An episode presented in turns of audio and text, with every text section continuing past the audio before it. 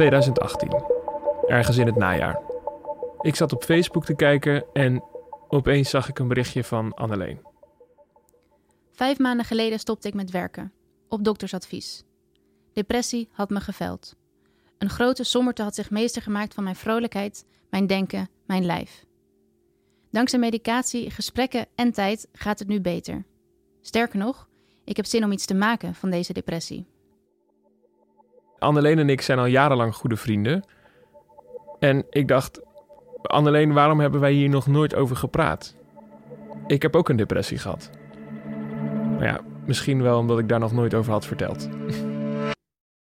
Wij zijn Maarten en Anneleen en je luistert naar Praten over Depressie. In deze podcast gaan Maarten en ik in gesprek over onze depressie. Niet alleen met elkaar, maar we gaan ook in gesprek met psychologen en psychiaters. We gaan op bezoek bij organisaties zoals 113 Zelfmoordpreventie.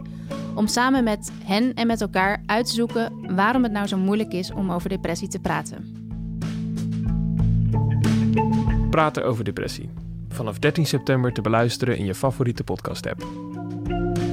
Als daar kan over gesproken worden, is dat bevrijdend, voelt dat goed en kunt je elkaar ook goed helpen.